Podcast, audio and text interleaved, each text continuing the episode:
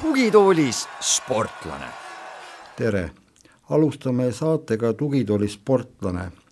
täna ei ole meil otseselt külas sportlane, kuigi endine sportlane, aga treener, Eesti vehklemise üks koloriitsemaid äh, tegelasi, äh, tohutu haardega naisterahvas, kelle õpilased on läbi aegade võistnud juba kolmkümmend tiitlivõistluste medalit, et see jada hakkas pihta aastast tuhat üheksasada üheksakümmend üheksa, kui Marika Säär tõi esimese medali siis nii endale kui ka oma treenerile ja loomulikult Eestile juunioride MM-ilt naiskondliku pronksi ja mida aasta edasi, seda vägevamaks on see medalikett paisunud. no paljud ilmselt said juba aru, et stuudios on Helen Nelis-Naukas, kelle kohta võiks öelda niimoodi, et ta on suutnud ka põrguväravast sisse murda, möllata seal ja see on lausa ime, et ta veel täna elus on. Aga enne, kui me nende viimaste väidetega hakkame tegelema ja neid paika panema või ümber lükkama, läheksime Heleni noorusesse tagasi ja räägiksime seda, kuidas see kõik algas ja kuidas sa jõudsid et tegelikult sa oled ju spordi, Eesti ühe suurima või suure spordidünastia järeltulija. Ja ma kujutan ette tegelikult, kui sa hakkasid elu enda ümber teadvustama, siis sa avastasidki, et see on kõik üks suur sport, sest sinu ema Ilme, isa Endel ja vend Peeter, kes on sinust kaheksa aastat äh, vanem, olid juba kõik selle raja peal äh, kõvasti tal-, tallunud selleks ajaks. et mi-, millised su esimesed äh, meenutused üldse lapsepõlvest on? sa mõtled spordi mõttes? ma mäletan, et ema-isa tegid sportvõimlemist ja ise ma tegin ka sportvõimlemist kuni kolmanda klassini ja siis tegi Olga Korbut oma kuulsa saltopommi peal ja kaotati võimlemine väikestes kohtades ära, sest see oli ohtlik. Ja tegelikult ema-isa tegid ka peotantsu ja panid kooli suusatama ja alustati vehklemist, aga see vehklemise alustamise jutt oleks siin liiga pikk, et kust ta siis nüüd alustas ja miks see vehklemine Haapsalu jõudis et ma tegin nagu paralleelselt jah, võimlemist ja, ja vehklemist ja mingi hetk jäi siis ainult äh, vehklemine. et ütleme, sellist, sellist rada vist ei olnudki, et sa kuhugile nii-öelda mujale vonksaksid ikkagi, et sa jäid sinna spordisängi äh, sõudma? ei, suhteliselt jah, mina tegin küll tõesti ainult ühte asja minu meelest et ma oma lapsed küll äh, suunasin mu muudele radadele ka, et mulle tundus nagu, et, et võiks nagu see huvialaring äh, lapsepõlve natukene laiem olla. aga noh, koolisport oli hästi, hästi tugev, et, et ütleme, et teisi alasid ma sain küll väga palju teha, et ma ikka olin kooli naiskonnas nii korvpallis kui kergejõustikus kui teist, teisi alasid sai küll teha, jah, aga ma ei mäleta, et ma noh, ma ei laula, aga isal olid kodus kunstiraamatud, nii et kunstisoon on meie peres küll olemas jah, see, see mind huvitab. no sa nägid kõrvalt, et kuidas su isa just noh, ta, ta oli juba tolleks hetkeks oli väga kõva tegija, aga noh, temast sai nagu elav legend et samas sa nägid ka juba toonaseid neid intriige, et isa läks ka kindlasti vahel endast välja ja ta tundis, et et temaga on ülekohtuselt käitutud, kas see natuke juba sind toona ei hirmutanud, et mis võib ees oodata?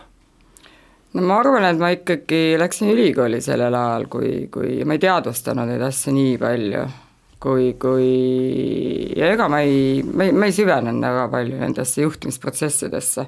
et ma arvan, et vend Peeter teab neid, neid probleeme ja asju, mis seal oli, oli, teab, teab rohkem et hiljem, kui ma olin juba ise treener ja, ja hakkasid igasugused äh, noh, nii-öelda probleemid, konfliktid ja teki peale äh, tõmbamised ühele poole, teisele poole, et siis mind hakkas lihtsalt huvitama, et mis siis nagu vanasti oli. ja ma hakkasin nagu rohkem uurima, et, et äh, ja siis nagu selguski, et ega, ega midagi uut ei ole kõik oli vanasti samamoodi, et Tõnu Nurk on rääkinud, kuidas isaga suhted olid või mõni teine inimene et mina mäletan teda rohkem kui treenerina ja, ja mis seal ülevalpool toimus ja, ja juhtimispositsioonil, et see minuni tol ajal ei jõudnud.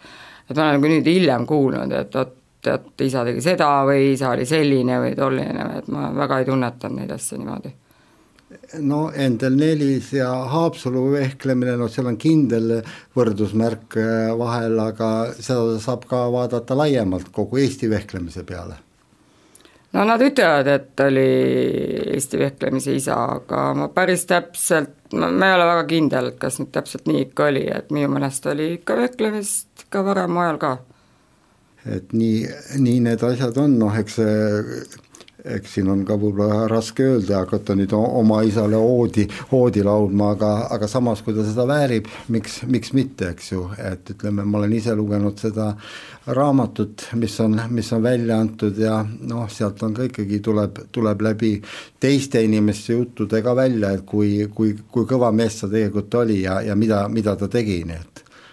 Et kui palju ta ikkagi sulle seda tõuget andis, et selle raja peale minna ma arvan, et see läks ikka nii loomulikku rada pidi, nagu mu oma lapsedki hakkasid vehklema ikka väga loomulikku rada pidi, et lihtsalt äh, nad kasvasid saalis ja võtsid need mõõgad ja maskid ja hakkasid torkima ja ja ma arvan, et minuga läks samamoodi, aga ma väga ei mäleta tegelikult, aga meil olid mingist hetkest spordiklassid ja eks isa organiseeris ja suunas ja ju ma siis lapsena lihtsalt läksin selles suunas kuigi mul oli teisi huvisid jah, sest ma mäletan, et millegipärast ma tahtsin pärast põhikooli minna hoopis äh, Räpinas aiandust õppima, seda ma mäletan, koos pinginaabriga mõtlesin, et vot meie nüüd lähme. Et huvitav, kust selline mõte siis järsku tuli? ei, mulle meeldis, ma olin äh, nagu kogu aeg äh, on meeldinud, et mu unistus oli ikkagi ükskord oma maja ja oma aed ja näpud mulda, et see oli mu unistus. Ja ma olen isegi seda mõelnud, et järgmises elus ma olen talupidaja, mul on kõik loomad ja lambad ja linnud ja, ja ma inimestega enam töötada ei taha. ja noh, selles mõttes, et äh, aeg oli ju teine, et, et noh, kui nüüd edasi minna, et mis minust sai, et äh,, et tippus nagu edasi veelda, et oli nagu Nõukogude Liidu aja suht keeruline äh,, sest ma ju, ma olin küll Eesti koondises, aga siis ma astusin samal ajal ülikooli kehakultuuri õppima ja, ja seal mul kogu aeg, äh, ma mäletan, Kaupo Metsur ikka ütles, et noh, et otsustage ära, et mis siis siis saab, et kas siis käes siis õpetaja või, või, või tahate te tippsporti teha või noh, üldiselt ma sain seal ikka päris palju nahutada, et kui ma käisin võistlustel, siis et miks te koolis ei käi, ja siis, kui ma käisin koolis, siis küsiti, kus te tipptulemused oli, et see oli nagu väga imelik suhtumine. ja teisel kursusel, kui ma sain aru, et et äh, ma ikkagi sinna liidukoondisse tõesti ei saa. Äh, siis mul nagu kadus mott ära, et oleks olnud Eesti aeg nagu praegu, et kindlasti ma oleksin tahtnud siis äh, ka täiskasvanute klassis kauem vehelda. aga siis ma mõtlesin, nüüd, nüüd, nüüd ma tõesti siis pühendun õppimisele ja minust saab siis kehastusõpetaja aga tegelikult pärast keskkooli ma tahtsin minna hoopis ajakirjandust õppima, sest mulle meeldis kirjutada väga. nii et ütleme, need rollid võib-olla oleks võinud siin vahetuda lausa kohe, et sina oleks ja miks mitte, mulle meeldis, aga täna, tänaseks päevaks ma mõtlen, et hea, et ma ikka ajakirjanikuks ei õppinud, sest ma, mulle tundub, et ega see ka kerge amet ei ole, et et praegu noh, sa pead ju ikkagi samamoodi, sa pead selle leiva lauale saama, et ja seal on vist ka omad kiskamised ja konkurents ja, ja loobitakse, nii palju kui ma olen lugenud, et et kui ajakirjanik teeb artikli, siis tegelikult äh, teda ka sõimatakse, et kuidas sa nii ütled ja mis sa nii ütled ja miks sa naa ütled, et et noh, ma ei tea, ma, ma arvan, et kui ma oleks äh, ajakirjanikuks saanud, siis minust oleks tulnud uuriv ajakirjanik. et mul, ma olen väga uudishimulik, mind, äh, mulle meeldib, või prokurör või midagi, midagi niisugust oleks mulle veel sobinud uudishimulik pluss ka põhjalik siis. ja, ja väga täpne, väga täpne, väga põhjalik ja mm. -hmm. aga kui hüppame korra veel selle Räpina idee juurde tagasi, et seal tõmbasid vanemad kiirelt piduri peale? ja, ja ei, nii vara kedagi kodunt ära ei lastud. aga ma ise praegu tagantjärgi mõtlen, ega ma oma lapsi poleks ka nii vara kodunt ära lasknud. aga siis pisarad jõudsid valada? ma ei mäleta kus ma nüüd just nutsin, aga aga ju ma pettunud olin võib-olla korraks mm. -hmm. no ütleme, vanemate tiiva alt Tallinna pedasse tulek, see oli ka omamoodi jälle vabanemine ja, ja noh legi.... no ei olnud muide, mina tahtsin kogu aeg koju. ma ei tahtnud üldse Tallinnas olla. ma praktiliselt äh, iga nädal lõpp käisin kodus ja praktiliselt iga reede õhtu, kui tuli rongi, siis oli rong veel alles, tuli rongi istuda, viimase rongiga sõitsin Tallinnasse siis ma nutuga läksin kodunt ära. ma mäletan, see oli mingi esimene, ma ei tea, kas teine kursus ka veel, aga esimene kursus oli raudselt, nii et ma ei tahtnud üldse kodunt ära minna. aga lõpus ma ei tahtnud enam koju tagasi minna siis oli jah, juba, juba sõpru oli palju tekkinud ja tore oli ja no linnalegend räägib seda, et, et siis olid natuke Elumere lainetel ja siis no juba mitu korda räägitud siin, isa endal oli natuke mures, et tüdruk on äh, natuke möllu peale sattunud. ei, mina arvan, et see on võimendatud, ma olin tavaline noor inimene, kes äh, käisid äh,, käi-, kes käisid ikka väljas tantsimas ja, ja ma teadsin kindlalt, et äh, mingit jama ei tule ja ülikooli ma lõpetan ja kohusetundlik, nagu ma olen ja ja et isa muretses üle, ütlen ma hoopis mm. -hmm. et ütleme selles mõttes äh, midagi nii hullu sa ei ole teinud, et mida me tänapäeval siin kuuleme, kui endised sportlased või treenerid oma memuaare hakkavad kirjutama ja et siis võetakse sellised äh, luukered kapist välja, et, et sul mm. ei ole mm. sealt midagi sellist tuua, et mm -mm. tavalise noore inimese, kus sa oled, mis, mis ma olin siis ma ju, meil oli üksteist klassi, seitsmeteist aastast ma läksin ülikooli juba mm, kakskümmend üks ma juba lõpetasin. Mm -hmm. no mis selles vanuses tehakse, ikka käiakse pidudel mm,. ronisid vahel peda kuskilt rõdult sisse, et mitte komandandist mööda minna? ei no mina nüüd kuskilt rõdult ei roninud, aga, aga balkoni äärt pidi meie tuppa tuli küll, jah poisid muidugi aa, üks suurem möll oli küll ühikas, ma mäletan, kui oli see Tartu Ülikooli ja Peda äh, kolmanda kursuse ühisjooks Tartust Tallinnasse.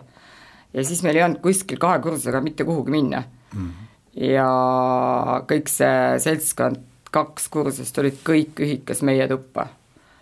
ja siis oli jah, siis meid visati selle tulemusena ühikast välja nii et ikka midagi rebisime välja. jah, siis mul tuli praegu meelde see lihtsalt, et siis me visati ühikast selle tulemusena välja ja siis me sõbrannaga üürisime korteri mm. -hmm, aga ma tänan sind aususe eest, eks ju, et, et keegi ei saa öelda, et, et inimene varjab, eks ju, inimene on avatud ja räägib oma, no, no tegelikult ei olegi sellest midagi, oleme ausad, me kõik aga oleme teha? täpselt, et kui, kui oli kaks kursust koos ja tol ajal ei olnud kuhugi minna, ikka tulid ühikasse. jah, jah, nii, nii need, nii need asjad ikka juhtuvad ja selles ei, ei olnudki midagi nii-öelda väga kriminaalset või dramaatilist. aga võib-olla oli nii, et, et ma seda isale rääkinud võib-olla sellepärast mm. -hmm. et ta sai kuskilt mujalt kuulda, et, et me ei elagi enam ühikas sõbrannaga ja mm -hmm. terve tuba läks mm -hmm. nagu, terve meie neljane tuba läks mm -hmm. siis äh, üürikorteris mm. -hmm. no ega see treeneri leib alguses ka kõige magusam ilmselt ei olnud, kuigi tegelikult see vist, kui ajalooürikuid lapata, tulid sul päris kiiresti ka treenerina tulemused no tegelikult oli ikkagi niimoodi, et äh, kui ma läksin Pedas äh, sellesse kutsekomisjoni ruumi, kus siis oli suunamisaeg oli. suunamissaal, jah ja siis mind suunati nii-öelda Kihnu saarde ja teine oli Ida-Virumaale, siis ma mõtlesin, oo, et sinna ma nüüd küll uut verd viima ei lähe, et ei lähe. Mm. ja siis äh, otsustasin ikkagi koju tagasi tulla, ehkki mul esimest plaani seda ei olnud tegelikult ja ma isegi tahtsin Tallinnasse jääda, aga too, tookord oli vaja ju, et sul on äh, sissekirjutus Tallinnasse ja sul oli vaja töökohta ja mitte midagi vist tol hetkel ei olnud. Ja siis ma tulin koju tagasi ja kui ma kooli tul-, läksin, siis ma võtsin lihtsalt noh, ma, ma ei mõelnud mitte midagi, mul ei olnud mingit ambitsioone mm., ma lihtsalt ütlesin oma esimese grupi lapsi.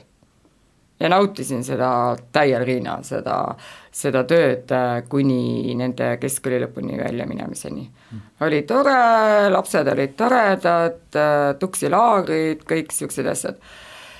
aga siis, kui nad jõudsid keskkooli ja tegelikult mul oli lõpuks ikkagi niisugust paar väga head tüdrukut, kellest oleks võinud saada tegelikult Eesti koondislased küll, siis ma sain aru alles, et sellise süsteemiga ma ei saa mitte kunagi mitte kedagi koondisesse, oli täielik Tallinna ülemvõim, nii nagu oli isagi ajal, varustust anti Tallinnast näpuotsatäis Haapsalule ja nii edasi ja nii edasi ja siis minu meelest, mõni võib-olla, kes kuulab seda saadet, spetsialist, ütleb võib-olla, et ei olnud nii, aga mina mäletan nii, et, et tookord ei olnud punktisüsteemi ja ma vähemalt algatasin selle punktisüsteemi, et teha, et oleks võrdsed võimalused, oled sa siis Tartust või Tallinnast või Haapsalust või, või kust iganes siis veeldi veel. ja noh, esimene rühm läks selles mõttes aiad, jah, ma ei saanud äh, Eesti koondisse mitte ühtegi õpilast, sellepärast et punktisüsteemi ei olnud ja tol ajal oli naiste peatreener minu meelest Igor Tšekinov, kes võttis sinna kõik oma õpilased. ta võib küll seda saadet kuulates võib-olla nüüd äh, tulda tõrva pritsida, aga mina mäletan seda asja niimoodi no kahjuks äh, teades ka teisi alasi, äh, väik-, väiksematele kohtadele tehtigi ära, selle uh -huh. samamoodi ujumises, ma võin sulle tuua näiteid, täna tundub see paljudele müstiline, et eh, näiteks Pärnu ujumine oli kunagi väga tugev, eks ju uh, -huh. ja nad tegid eh, Tallinnal ära ja siis lihtsalt jõuga pandi, näidati neile koht kätte ja ma kujutan ette, et vehklemises või Haapsaluga midagi sarnast. ja selles suhtes oligi, et eks isa siis võitles kogu aeg selle eest, et ei tehtaks ära. aga noh, aeg on erinev, eks seal tehti võib-olla ka mingid kokkulepped omavahel või noh, niimoodi, aga ma ei ole väga kok-, kokkulepete niisugust äh, sina mulle, mina sulle inimene mm. -hmm. et mulle meeldiks, kui oleks võrdsed reeglid kõikidele mm. -hmm. no ütleme, nii kurb ilmselt kui see ei ole, eks see aitas su isal ka varem siit ilmast lahkuda, kõik need pinged ja asjad. jah, sellepärast et ta oli selline karismaatiline kuju, et ta juhtis kõike, et äh, lisaks vehklemisele ju ikkagi ka koolis äh, organiseeris, et seal oleks võilma kõik korras ja, ja, ja ta oli väga laiahaardeline, et ehitas sinna juurdeehitised ja noh, nagu vastutas, tundis nagu üldse noorte tervise pärast muret ja kirjutas artikleid väga palju mm. et jah, kõigepealt sai ühe infarkti ja siis viie aasta pärast sai teise infarkti. Neid põhjuseid, kelle ja mille mõjutustel ta need sai, seda ma muidugi tean ka. no kui isa läinud oli, siis äh see vist ilmselt andis sulle veel nagu sellist sportlikku viha juurde ja sa tahtsid seda dünastiat ja seda lippu edasi viia, kõrgel hoida? vot see on imelik jah, et minul see tunne väga tugev. et mul on nagu, me naersime, et äh, treenerid, kes siit vahepealt ära läksid, olid Kuubarev ja Kaminski ja, ja, ja siis ma ütlesin, no mina ka ei jaksa enam, et ja siis Tartu treener Anatoli Jasnov ütles, et Helen, aga sinul on missioon ja siis ma ütlesin jah mm -hmm,, tegelikult nii ongi. et iga päev, kui ma lähen sinna nüüd uude saali ja vaatan seina peal Ende Nelise nimeline vehklemishall, siis noh, mul nagu ei olegi varianti enam. kuigi vend on mulle öelnud, et ei, sa võid ju ka ikkagi kuskile mujale minna ja nagu tema on ka, eks ole, pool elu ikkagi Soomes treenerina töötanud eks ma olen mõelnud, jaa, ma olen mõelnud, mulle on pakkumisi tehtud tegelikult kunagi. kui mul olid väga tugevad, ütleme, Kristiina Kuusk ja Piret Turka noorteklassis äh, hakkasid tõusma just ja siis mulle tegelikult tehti päris mitu pakkumist erinevatest riikidest. aga siis ma jälle tundsin, ei, ei, ei, ma ikka ei taha kodunt kuskile minna, et äh, noh, ma mängisin selle mõttega, et, et võib-olla ma läheks ka kuskile kergitad saladuse loori ka natuke, kus kandist need tulid, need pakkumised? no üks oli näiteks Portugalist ja, ja noh, ma oleks võinud samamoodi ka Soome minna. aga noh, ma räägin, et kui see, kui see tegelikult see moment oli käes, et ah, kas ma nüüd siis ikka lähen või kas ma ikka tahan minna, siis ma tundsin, et ma ei taha, ma, mu kodu on Eesti, mu kodu on Haapsalu, et ma ei taha mitte kuskile mujale minna mm. Mis oli selline esimene tulemus, kui sa tundsid tõesti jess, et nüüd ma olen saanud esimese sellise kõva palgapäeva ja ma tahan edasi minna ja panna ja veel rohkem teha ja no ikka, ma arvan, et see esimene medal, siis kui Marika tuli, Marika Säär, nüüd on Pragi äh,, tuli Eesti naiskonnaga MM-i, juunioride MM-il pronksile.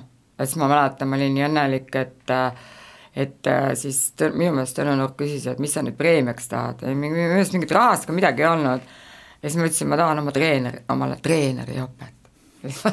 mulle osteti siis treeneriõpe, elu esimene treeneriõpe Need olid väga kallid tol ajal meie jaoks, meie sõitsime bussiga sinna, see oli ju mhm. Pariisis mm. -hmm. mis me sõitsime sinna kaks pool päeva paljud kuulajad ilmselt ei kujutagi ette, et tänapäeval on see nagu nii tavaliseks saanud, et istutakse lennukisse mm, -hmm. minnakse nii, aga sina vist võiksid rääkida väga fantastilisi lugusid, kus on, kus on käidud võib-olla sinu nooruses on mingite veoautode kastis isegi kuskile võistlusele sõidetud võib-olla või võib-olla võistlustele ma ei mäleta, aga seda ma mäletan küll, et kui isa ja ema selle Tuksi spordibaasi said ja see, see lugu on ka selline, et äh, ema-isa käisid tegelikult, me käisime tegelikult laagrites iga suvi, kas Käinas või Kärdlas või Pärnus või noh, erinevates kohtades kogu aeg, ööbisime koolimajas äh,, mattide peal ja, ja nad otsisid tegelikult sellist kindlat spordibaasi, et kus siis äh, oleks meie enda nagu nii-öelda kodu ja sellest ei, minu vanemad ei ostnud mingeid suvilaid ega asju, see oligi nende, nende suvekodu ja ma, ma olin seal terve suve mm. -hmm. meil oli ikka kolme kuu, kolm kuud, siis olid kahekuused äh, vahetused, siis olid äh, kuuaegsed, nüüd on kolm nädalat, siis ei, ja siis läks kümnepäevaseks ja nüüd lapsed ikka, et aa, et liiga pikk, äh, laager liiga pikk, et see on nii kummaline, kuidas aeg on jah muutunud aga nad otsisid jah, selle Tuksi laagri, siis ema, ma mäletan, Sikk tahtis ka seda laagrit. ja ema käis kõik komisjoni liikmed läbi ja palus, et jätke see Läänemaa lastele. ja vot seda ma mäletan, et me ööbisime seal mingi pööningul kolmkümmend inimest reformvoodis äh, kõrvuti ja ja järgmine aasta isa tegi sitsikardinatest seinad seal ja siis ma olin, meil oli kahene tuba sõbrannaga, me olime nii õnnelikud, meil olid, meil olid riidest kardinad, äh, kardinad lihtsalt seinteks ja me olime nii õnnelikud, meil on kahene tuba.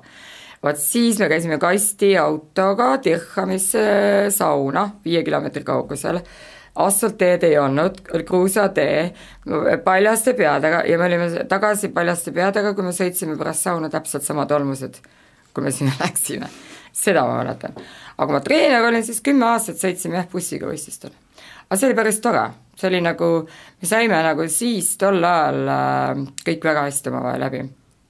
kadettide Euroopa karikaetappe veel ei olnud, need tulid Karoliini Lodi ajast mm -hmm. ja ennem seda olid ainult juunioride MK-etapid ja siis oligi, et ühte bussi istus kaheksa Eesti kandidaati, kaheksa poissi, kaheksa tüdrukut, nende treenerid mm, -hmm.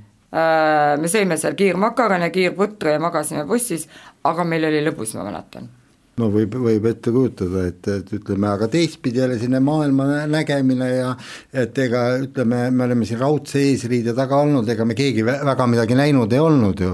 ja, ja me olime jumala happy'd, et me saime niimoodi välja, ükskõik mismoodi, peaasi, et me saime välja siit. Nii, nii, nii on.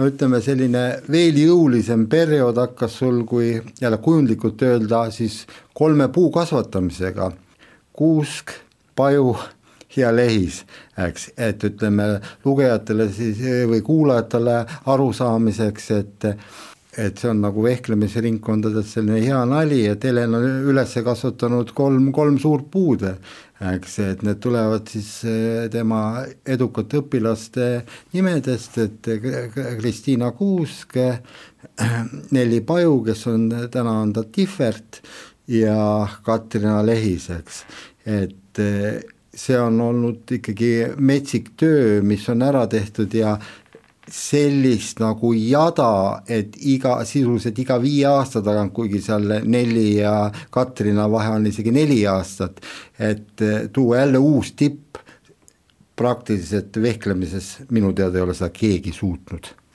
mida sa tegid selleks? et mida ma tegin, ma tegelikult läheks natuke tagasi, et äh, selle, alustaks selle Kristiina rühmast, et nemad ma võtsin esimeses klassis, kuna mul oma tütar käis siis Kristiinaga ühes klassis.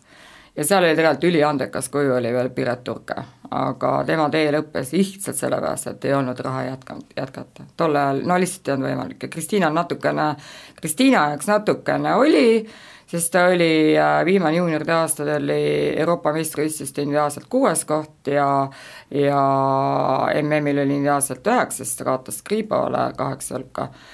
ja nende, sellega ta sai, minu meelest oli mingi kaks tuhat, kakskümmend tuhat äh, Eesti krooni minu arust ja sellega see kattis ära need esimesed satelliitturniirid ja tookord oli kaks pluss kaks ja ma veel ütlesin talle, et sa pead kak-, punktidega kahe hulka saama selle rahaga ja, ja, ja siis keegi meid ei kõiguta sealt ja, ja, ja ta sai. aga Pireti jätkamiseks ei olnud üldse raha, et noh, see, sellest talendist ja ande ka kaduma minemisest on mul ääretult kahju. ja noh, Marika jätkamisest on mul ka ääretult kahju, sest ta oli ka hea pikk ja, ja hea kuju ikka.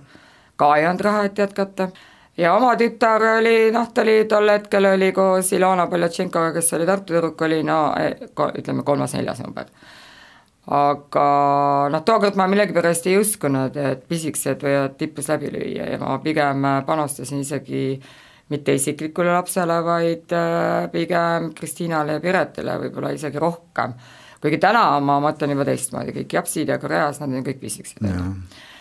Ja siis, äh, aga ma olen, mul on selline süsteem, et äh, ma ei taha nagu väga auku jätka, jätta. ma olen üritanud kogu aeg gruppe peale võtta aga noh, loogiline, et sa ei jõua niimoodi võtta, et sul iga aasta tuleb mm -hmm.. noh ja siis tuligi niimoodi, et lõpuks tuli siis nagu iga viie aasta tagant umbes niimoodi, et tuli järgmine ja tuli järgmine. aga kui Katrina tuli juunioride maailmameistriks, siis neli naeriski, et nüüd sa said selle kätte, mis sa meiega taga ajasid. et lõpuks siis üks õpilastest sul tuli selleks, võitis siis selle tiitlivõistluse ära teised said, nagu öeldakse, kahvatumad medalid, pluss said vä-, kõige noh, paremad medaleid, kuldsed medaleid ka siis võistkondlikult, eks ja, ja et neli on ju juunioride maailmameister võistkondlikult, aga tal on ka individuaalne Euroopa juunioride pronks. no Nellile auhinnakogu on vägev, tal on kaheksa mm -hmm., kaheksa tiitlivõistluste medalit nii et, et see, ega see kolmkümmend medalit sul seal nii, nii kokku äh, jalutabki ja no nii on jah, koos võistkonnamedalitega.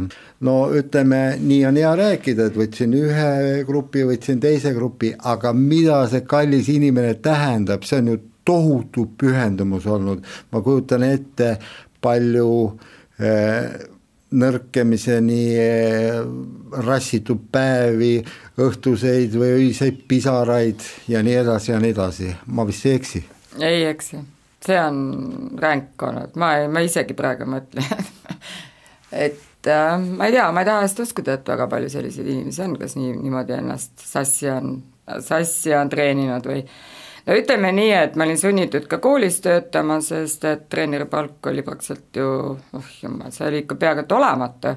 millestki tuli ju ka, kuna ma tahtsin ikkagi nii-öelda seda maja ja, ja aeda, kuhu näpud mulda panna, siis tuli pangalaenu võtta, mida ma maksan siiamaani, oma kodulaenu, ja mul oli vaja kahte töökohta ja siis ma töötasin hommikuti koolis, praktiliselt mu tööpäevad kakskümmend aastat olid äh, miinimum kaheksast kaheksani, seitse üles, kaheksa tööle, äh, siis äh, kõigepealt koolitunnid, siis ma läksin algajate trenni, algajate trennist edasijõudnute trenni, siis ma läksin koju, siis ma hakkasin lennukipileteid otsima, noh nüüd lennukipilet, tookord ei olnud siis lennukipiletid, aga nüüd on nii, et ma otsin lennukipileteid, majutusi, transport, ühesõnaga seda orgtööd on tohutult palju ja vanasti ma tegin seda öötundidest nüüd ma lõpuks siis äh, teist aastat koolis ei tööta, siis kui otsustasin ära, et Katrinaga hakkan sõitma mööda maailma ringi kõikidel võistlustel, siis ma tulin koolist ära.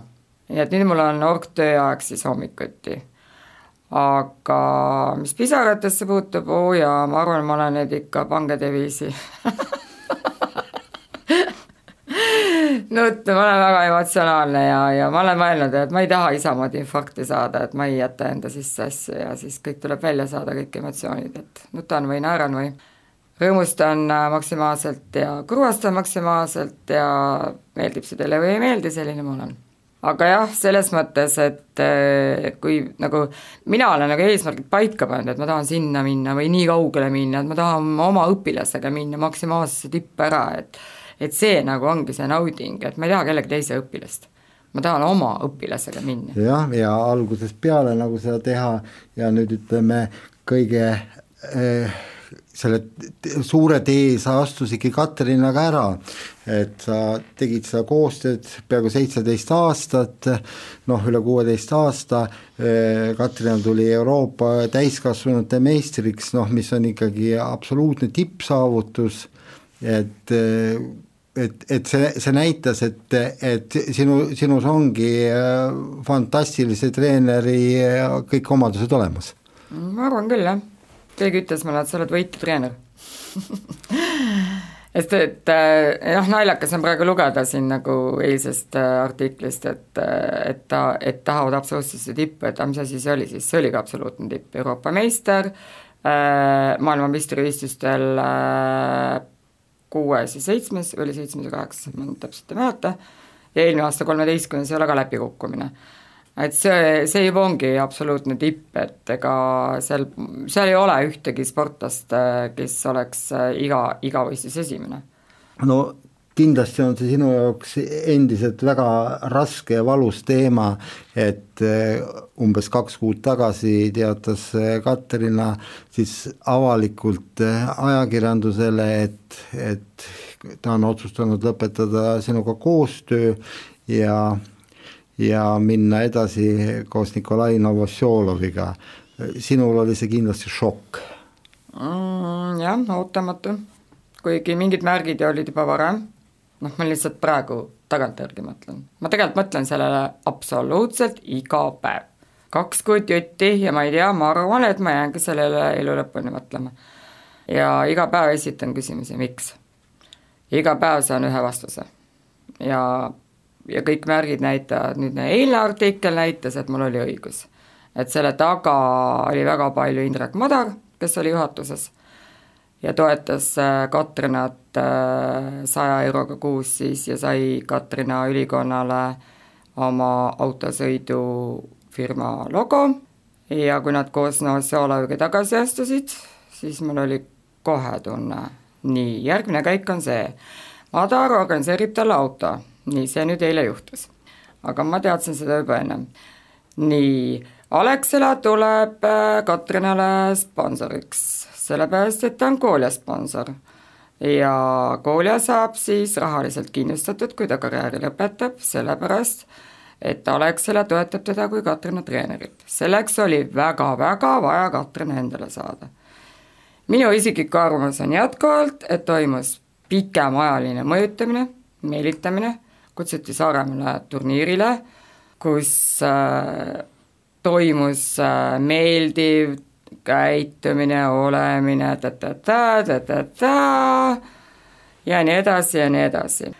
ja kõik need, mida Katrina mulle eelmisel õhtul kirjutas, enne kui tuli see pressiteade, et ta, et ta läheb ära minu juurest ja, ja veel ei öelnud ju treenerit, kuigi ma tunnetasin, et see on Novosjolov, siis no seal olid väga kummalised süüdistused, et siis ma sain aru, et ta tahab lihtsalt minus nagu tekitada süütunnet et need asjad käisid juba ammu, näiteks maailmameistrivõistlustel, mis toimus. või võtame kas või selle hooajaga, okei okay,, ta ütles, et ta ei ole rahul Euroopa meistrivõistluste tulemusega. Mm.. nii, kaks aastat tagasi sellesama tüdruku ta võitis otsustava torkale, otsustava torke võib minna siia või sinna. samas ma ütlen, ta ei täitnud ära kogu minu programmi, mida ma planeerisin. jäi ära üks laager, mis oli väga oluline hooaja algul, ta ei tahtnud sinna minna siis äh, maailmameistrivõistlustel ma vaatasin, et ei, no ühesõnaga mulle, mina ütlen, et need tulemused ei tulnud sellepärast paremad, et fookus oli juba paigast ära. Need asjad toimusid juba siis. sest näiteks, kui toimus Kongiga matš ja me leppisime, me, me vaatasime koos videot, kuidas Kongiga vehelda, leppisime kokku, kuidas temaga vehelda, õigemini mina ütlesin talle, et kuidas peaks temaga vehklema. ja ta läks rajale ja ta tegi absoluutselt teisi asju.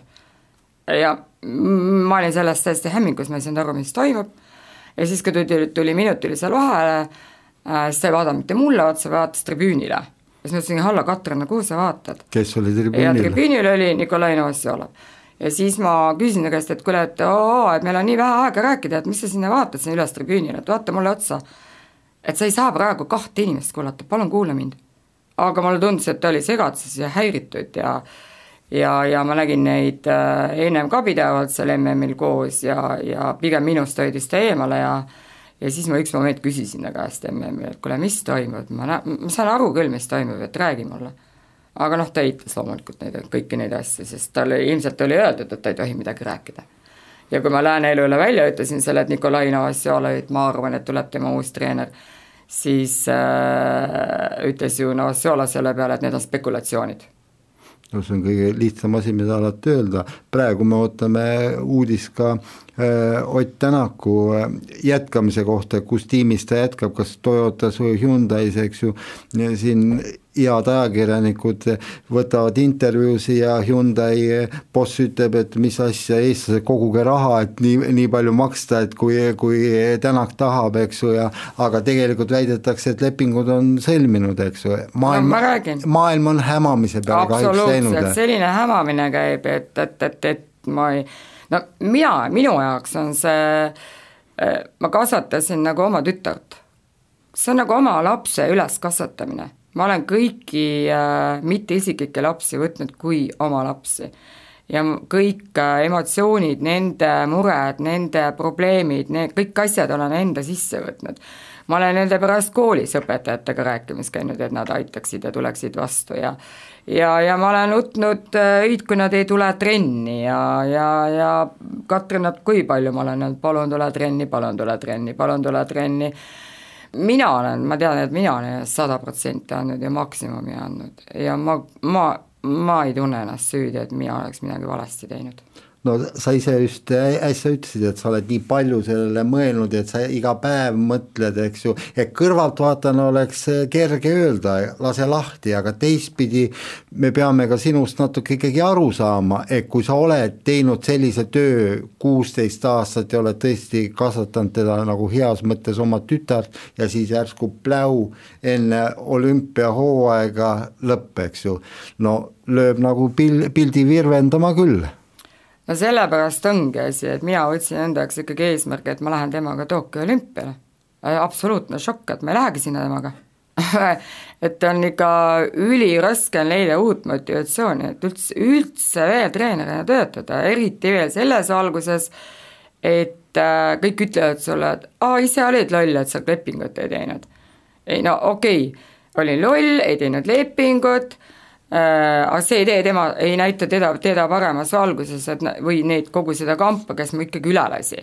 et, äh, et ala, et kui mina ei tee lepingut, et siis teie võite ebaväärikalt äh, käituda. ja ma saan aru, et klubi võiks teha lepingut, aga samas, kui ma olen viinud Eesti koondisesse, ma olen viinud, toonud Eestile medali, siis kas Eesti riik ei tunne mitte mingit vastutust nende treenerite ees, kes sellisesse olukorda jäävad, et mul ei ole mitte midagi enam. ma mäletan, kui Kristiina Kuusk ajatas treenerit, ma jäin rahadest ilma, mul ei olnud mitte millegagi Katrinaga edasi sõita ega Nelliga. jumal tänatud, et meid aitas ja me leidsime Liisi äh, kohaliku, kes meid aitas ja ja ma maksin kinni Katrinal, kui ta veel pärast last tagasi tuli, ta ema reisid, ta mehe reisid ta ämmareisid, äh, kõik äh, enda sõidud, et ma saaksin käia temaga võistlustel kaasas, et ta saaks tagasi tulla. sellepärast on see veel eriti valus. et seda nagu üldse ei hinnata, ma jäin kõigest ilma. nüüd kõik selle minu toetuse, mille ma siis sain, äh, ütleme, kas see on nagu, minu meelest see ei ole normaalne, sa, sa ei, ei saa mitte mingit raha enne, kui sul on õpilane saanud äh, tiitlivõistluse medali, õpilane ka ei saa, mitte mingit raha enam ei saa. vaata ise, kuidas sa sinna saad, on ju, no vaatasime, kuidas siis saime, saime. nii, sain kaheks aastaks selle treeneri toetuse, nii nagu tema sai sportlase toetuse. ma olen kaks õpilast järjest niimoodi teinud, et saavad toetuse, ma olen aidanud nad koondisse ja siis nad viskavad mu prügikasti ja mina seda eda-, teise aasta toetust, tuhat viissada eurot kuus saab Novosjolov nüüd. aga see on minu töö tema saab selle endale, selle peale öeldi olümpiakomiteest mulle, et äh, aga kas sa said preemiat, ma ütlesin ahah, kas sa käid preemia eest tööl kümme aastat? ootad kümme aastat, käid, aga sööd mida? makse maksad mille eest? lapsi kasvatad üles mille eest? ja siis saad preemia. see on täiesti kreenis, see ei ole õige. see treener, kes siis okei okay,, vahetas treenerit, hea küll, nii, tema saab, aga mina pean ka midagi saama no e, sinu puhul ütleme, on seda välja toodud, eks ju, et sa oled superemotsionaalne, eks ju, sa võid ka saalis nii-öelda ilusa kontserti anda hää, hääleka. ammu enam ei anna. nii muide aga, aga ka, kas siis ütleme kas nii... rõõmu peab sisse hoidma? ei, ei pea, ei pea, eks ju. sport ongi emotsioon muide aga kas siis Kristiina Kuuse ja Katrina Leise puhul on nüüd olnud ka sellist hetke, et nad on sinu poole pöördunud ja öelnud, et no kuidas seda viisakalt öelda, no viisakalt vist ei saagi öelda, palun ära lõuga või mingit sellist, sellist asja. No,? Kristiinaga ma ei mäleta, aga, aga Katrin on reimanud käega küll, kui ma olen matši ajal nagu õpetanud, aga seda oleks saanud äh, paremini selgitada küll. et mitte piisavalt siis järelikult, sellepärast et äh, kõik mängureeglid tuleks äh, mõlemal poole peal kokku leppida ja naljakas ongi see, et siis, kui ma aitasin ta sinna olümpia noored olümpiale projekt pro,, programmi, ühesõnaga see kui ma vaatasin, et see Noored Olümpiale programm on tulemas, siis ma vaatasin Katrile nagu vanuselise tulemustega nagu sobiks sinna, helistasin need komisjoni liikmed läbi, küsisin kõik ta-ta-ta, et kas siis saaks ja nii, ütles, et jah, et Katrin, no miks mitte, et las ta teeb oma selle videotutvustuse intervjuu. ja noh, palusin, tee ära, tee ära, tee ära, ei teinud ära. no siis me jäime sellest rahast ilma siis poole aasta pärast ma hakkasin talle uuesti pinda käima, tee ära, tee ära, tee ära, tee ära. no siis ta lõpuks sai selle ära teha, nüüd ma selle kodulehe pealt lugesin, et see on ikka päris suur summa, et kokku ta sai kuni Tokyoni kakskümmend viis tuhat. mina ei näinud sealt sentigi. noh, see praegu selleks. et äh, selle, seda ma rääkisin sellepärast, et sealt kaasasid äh, erinevad äh,, erinevad asjad veel, psühholoogi abi. nii, tuli psühholoog appi ma ütlen ausalt, ma ei taha enam ühtegi psühholoogi appi see on mu juba teine kogemus, kus minu meelest toimub mingi imelik asi sportlasega, igal juhul meie enam omavahel ei haaku. midagi toimub seal, ma ei saa aru, mis seal toimuma hakkab. see on teine sportlane mul selline juba.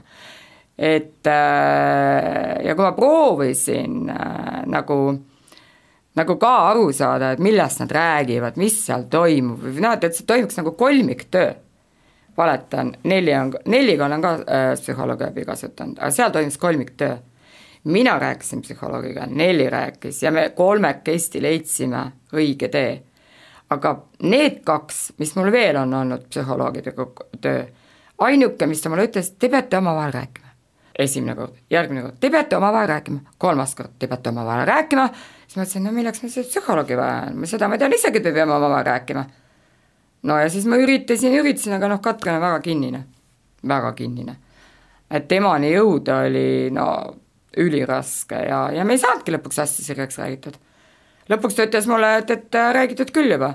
ma ütlesin, tead, räägitakse nii kaua, kuni asjad on selged mõlemalt poolt no kuidagi sa pead, ma, ma saan sinu nagu murest ja sellest hingehaavast äh, aru ja kindlasti see kasvab veel aastaid ja aastaid kinni, kuni, kuni see nii-öelda ma ei tea, kas see üldse kinni kasvab, sest et ega ma oma äh, isa lahkumist ei, mul ei lähe silme eest see iialgi ära.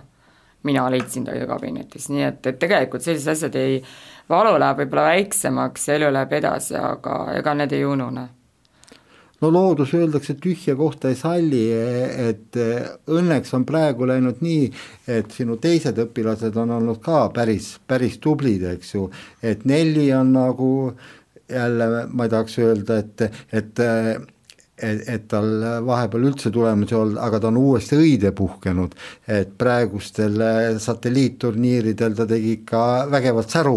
vaata, selle peale ma ütlen niimoodi, et ma ei ole käinud mitte üks aasta satelliitidel kaasas et vaata, kui palju on ikka treenerist abi. sellel aastal ma käisin temaga kaasas esimest korda ja tulid tulemused. nii et kus me jälle jõuame ma olen võitjatreener, ennast kiitust ei väsi no ühesõnaga, sinna, kus sa energia paned, sealt tuleb ka tagasi. nüüd ma panin kogu energia temasse ja ma loodan, et see tuleb tagasi. Ja samas tulevad ikkagi ka noored tüdrukud peale, näed sa nende hulgas ka kedagi sellist, keda sa julged siin saates juba välja öelda, et, et neist võib tulla mõni uus no täht? ma ei tahaks võib-olla veel nimesid öelda, et siis võib-olla teised solvuvad.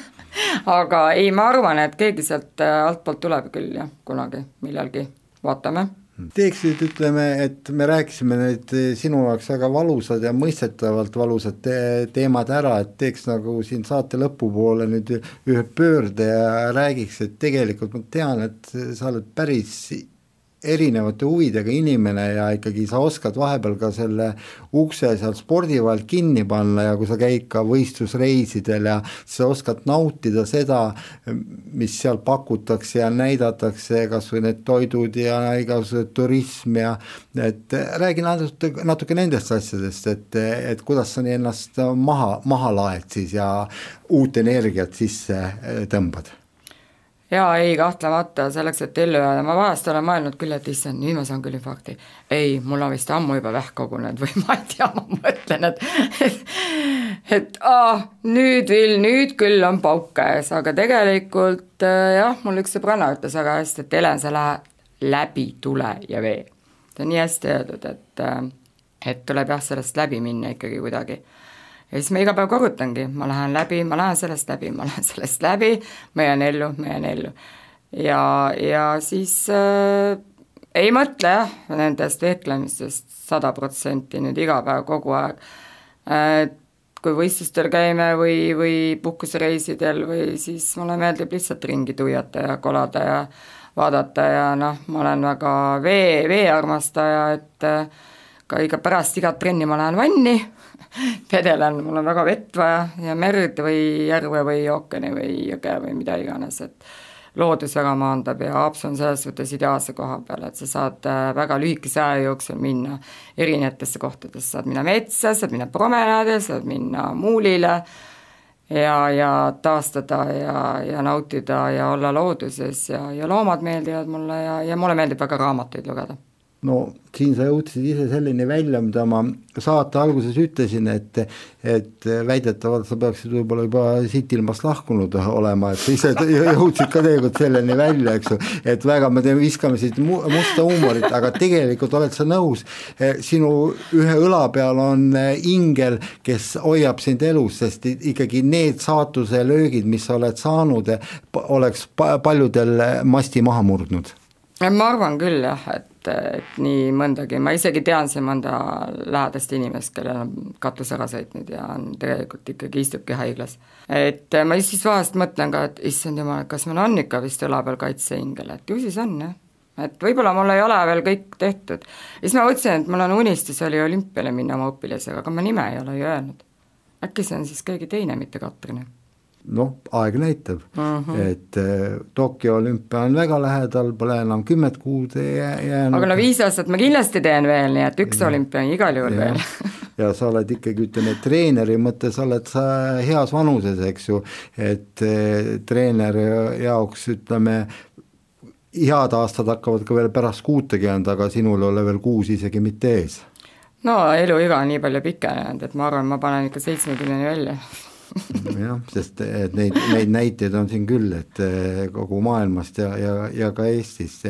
ja teistpidi ma kujutan ette, et vaadates Facebookis sinu neid postitusi ja kõike, et noh, seal on, ütleme, küll viimasel ajal palju üleelamist sellest Katrina teemast, aga samas ikkagi ma näen, et sul on ju mitu lapselast, eks ju, sa naudid ka vanaema rolli no kuivõrd-niivõrd äh, ma nendega jõuan kohtuda, sest pojalapsed on ju Tallinnas, aga tütrepojaga kohtume iga päev, ta mul juba vehkleb, trennis käib juba nii et, et selles, selles mõttes tegelikult on su elu ikkagi vahva ja kuigi seal on sees pikselööke, kõva äikeste müritamist, aga siis tuleb jälle päike välja. no ju siis tuleb asja võtta jah, nii et elu on oma tõusude ja maanadega kuigi ega neid mõõnasid ju ei taha väga, aga noh, mis teha siis palju ema süda valutab äh, poja pärast, äh, Steni pärast, kes samamoodi ju äh, vehkleb selle nimel, et jõuda Tokyosse? no eks ma ikka väga valutan sest ei tohi nii palju rääkida siis ma mõjutan energeetiliselt teda ka, et mina ei tohi oma muresid ja asju tema peale laadida. aga ma väga hoian talle pealt loomulikult aga aitäh sulle selle jutuajamise eest, et me võiksime siin väga pikalt jätkata, aga väga suured sõlmkohad on praegu lahti räägitud ja ja ma usun, et, et sul tulevad jälle uued tõusuajad ja juba ker-, kerge esimene tõusulaine on jälle praegu juba märgata. nii et, et soovin, soovin sulle kõike head ja seda vestlust siin stuudios juhtis David Serp oh..